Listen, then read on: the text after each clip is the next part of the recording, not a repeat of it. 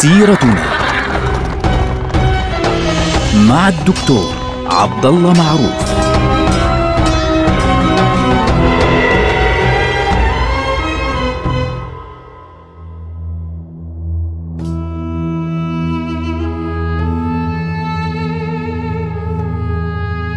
السلام عليكم ورحمة الله وبركاته.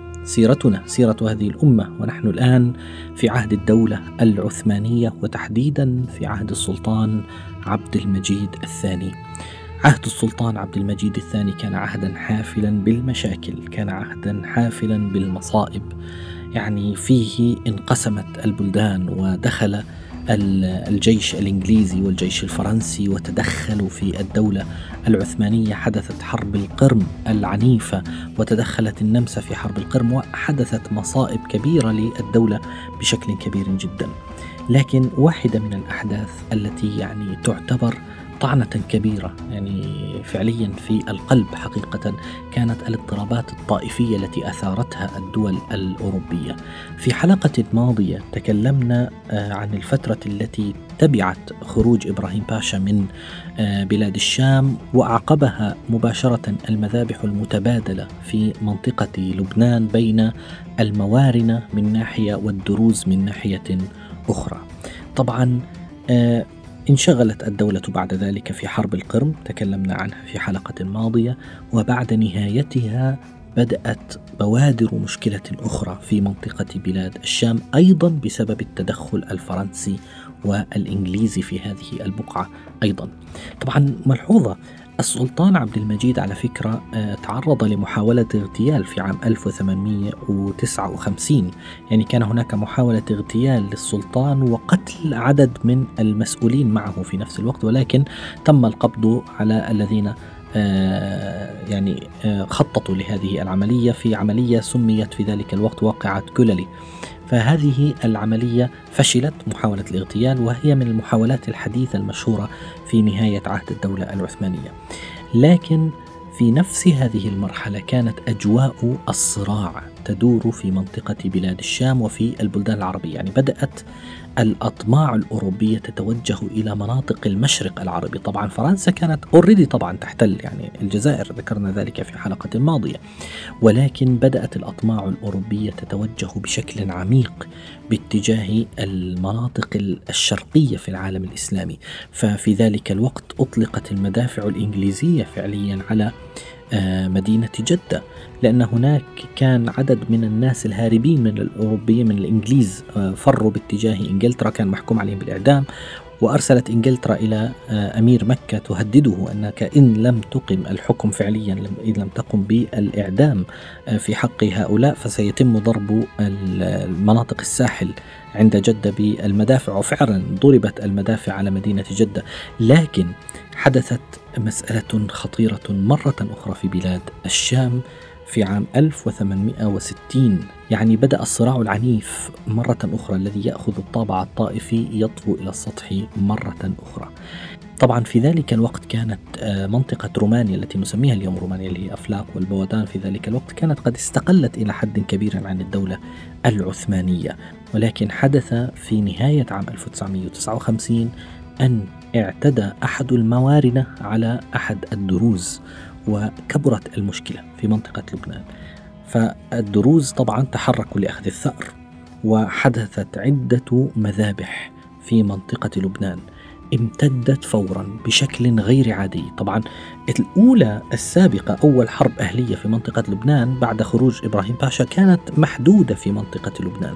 لكن هنا في عام 1860 مع بداية عام 1860 امتدت الاضطرابات الطائفية بين الدروز والموارنة من مناطق آه، لبنان وجبل لبنان إلى مناطق صيدا. إلى مناطق طرابلس ثم ابتعدت بعد ذلك إلى مناطق آه، اللاذقية ودير القمر وزحلة وحتى وصلت إلى دمشق وبدأت الاضطرابات تأخذ شكلا كبيرا جدا بين المسيحيين بشكل عام الذين انضموا إلى يعني إخوانهم في الدين مسيحيين وإلى بعض المسلمين الذين كانوا يعتبرون يأخذون آه، الطرف الآخر مع الدروز وهكذا. بدأت الاضطرابات تكبر حتى وصلت إلى مدينة دمشق وحدثت مذابح حقيقية. بين هذه الأطراف بشكل مفزع حقيقة. طبعا الأوروبيون اتهموا قائم مقام منطقة حصبية اللي هو اسمه عثمان بيك في ذلك الوقت بتسهيل المذابح ضد المسيحيين واتهموا والي دمشق اللي هو أحمد باشا بمساعدة الدروز وقتل كل من كان يلجأ إلى دار الحكومة من المسيحيين. طبعا هذا الكلام يعني العثمانيون رفضوه رفضا قاطعا وقالوا إن آه هذا الكلام يعني أنكم تريدون أن تتدخلوا كما فعلتم في حرب القرم. فمباشرة فرنسا عرضت على الدول الأوروبية أنها مستعدة إلى إرسال آه جيوشها إلى بلاد الشام وأرسلت إلى الدولة العثمانية وتقول أنا أستطيع أن أحمي الموارنه لأن هؤلاء يعني نحن نعتبر أنفسنا مسؤولين عنهم، فالدولة رفضت مباشرة خوفا من أن يتم احتلال بلاد الشام عسكريا آه، خاصة أنه الجزائر كانت في ذلك الوقت واضحة. الآن عندما حدثت المذابح في دمشق تحديدا يعني عندما وصلت الأحداث والاضطرابات في دمشق أرسلت الدول الأوروبية تهدد الدولة العثمانية بالتدخل يقولون إن المسيحيين يتعرضون للقتل والتشنيع والى آخره. فالدولة العثمانية طبعا لاحظت إنه هذا الأمر يعني بالضرورة أنهم يحضرون للانقضاض على منطقة بلاد الشام تحديدا. ومنطقة بلاد الشام مش منطقة عادية.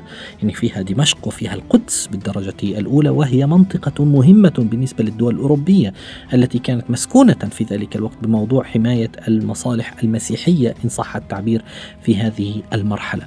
فالصدر الأعظم فؤاد باشا جمع كل الوزراء وأبلغهم بأننا يجب أن نخمد هذه الثورة وهذه الاضطرابات قبل أن تتفق الدول الأوروبية على أن تتدخل عسكريا. فانتدب هو مباشرة لقيادة الجيش وتحرك مباشرة إلى بيروت ووصل إليها في السابع عشر من شهر سبعة يوليو من عام 1860 وتحرك بخمسة آلاف جندي باتجاه دمشق.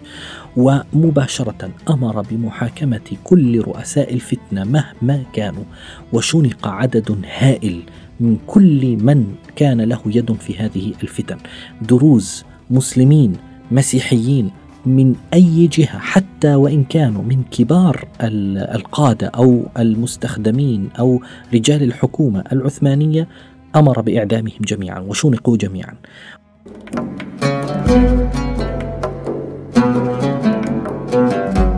طبعا مباشرة الدول الأوروبية وصلتها الأخبار ولكنها كانت تخطط لإدخال جيوش منها إلى بلاد الشام.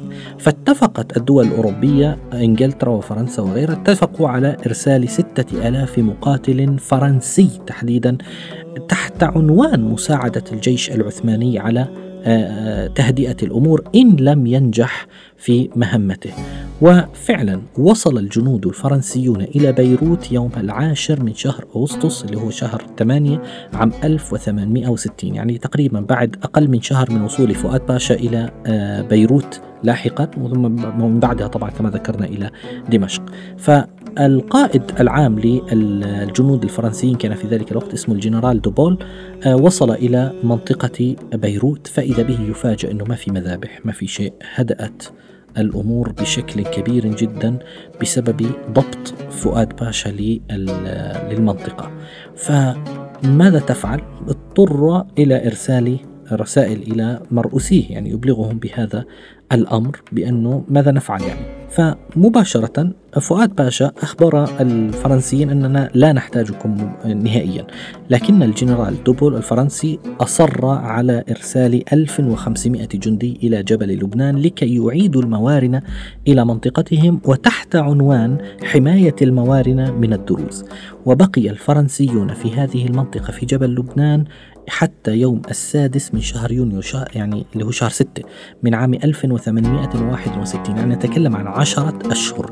بقيت هناك الجنود الفرنسيون وانسحب الفرنسيون بعد ذلك بعد أن أعطوا رسائل إلى الموارنة تحديدا أننا نحميكم من تعدي المسلمين وتعدي الدروز عليكم إلى آخره. وطبعا هذا الكلام يعني لا يعني كل واحد يمكنه أن يقول هذا الكلام إلا فرنسا، فرنسا كانت في ذلك الوقت كانت تحتل الجزائر وترتكب فيها المذابح والمشاكل والمصائب بشكل كبير في هذه البلاد آه، الطيبة، لكن المبدأ إنه كان الأوروبيون يريدون من ذلك أن يجدوا لأنفسهم موطئ قدم في هذه هذه البقعة. لاحظوا الفرنسيون يحاولون أن يربطوا الموارنة بهم في لبنان بأي شكل بحيث يكون الموارنة مرتبطين أو يشعرهم يظنوا أن مصيرهم مرتبط بفرنسا. وهذا الكلام غير صحيح لأن الدولة العثمانية هي التي يعني ثبتت البلاد وأعادت الهدوء تحت قيادة فؤاد باشا وعاد الهدوء على يدهم حقيقة. لكن هذا الأمر يعني كان له أثر كبير لأنه أول مرة يصل الجند الفرنسيون إلى داخل بلاد الشام بشكل كبير جدا تحت عنوان حماية طوائف من بعضهم البعض. طبعا بعد أن غادر الفرنسيون بعشرين يوما من منطقة بيروت توفي السلطان عبد المجيد الأول وكان ذلك يوم السادس من شهر يونيو شهر ستة عام 1861 تحديدا يوم السابع عشر من ذي الحجة عام 1277 للهجرة. طبعا هذه الأحداث في لبنان أدت في النهاية إلى آه، أن الدولة العثمانية اضطرت إلى جعل لبنان ولاية مستقلة. يعني في عام 1861 كان لبنان ولاية مستقلة بشكل كبير وأصبح يرتبط في الذهن العام للمنطقة بأنه يعني إلى حد كبير منطقة نزاع ومنطقة فيها موارنة بالدرجة الأولى وبالتالي يعني مرتبط بفكرة المسيحيين وبفرنسا من ناحية أخرى. بعد خروج الفرنسيين من بيروت بعشرين يوما بالضبط توفي السلطان عبد المجيد الأول. كان ذلك يوم السادس من شهر يونيو لو شهر ستة عام 1861 للميلاد الموافق للسابع عشر من ذي الحجة من عام 1277 للهجرة. بوفاة السلطان عبد المجيد الأول استلم الحكم من بعده أخوه السلطان عبد العزيز. نلقاكم على خير والسلام عليكم.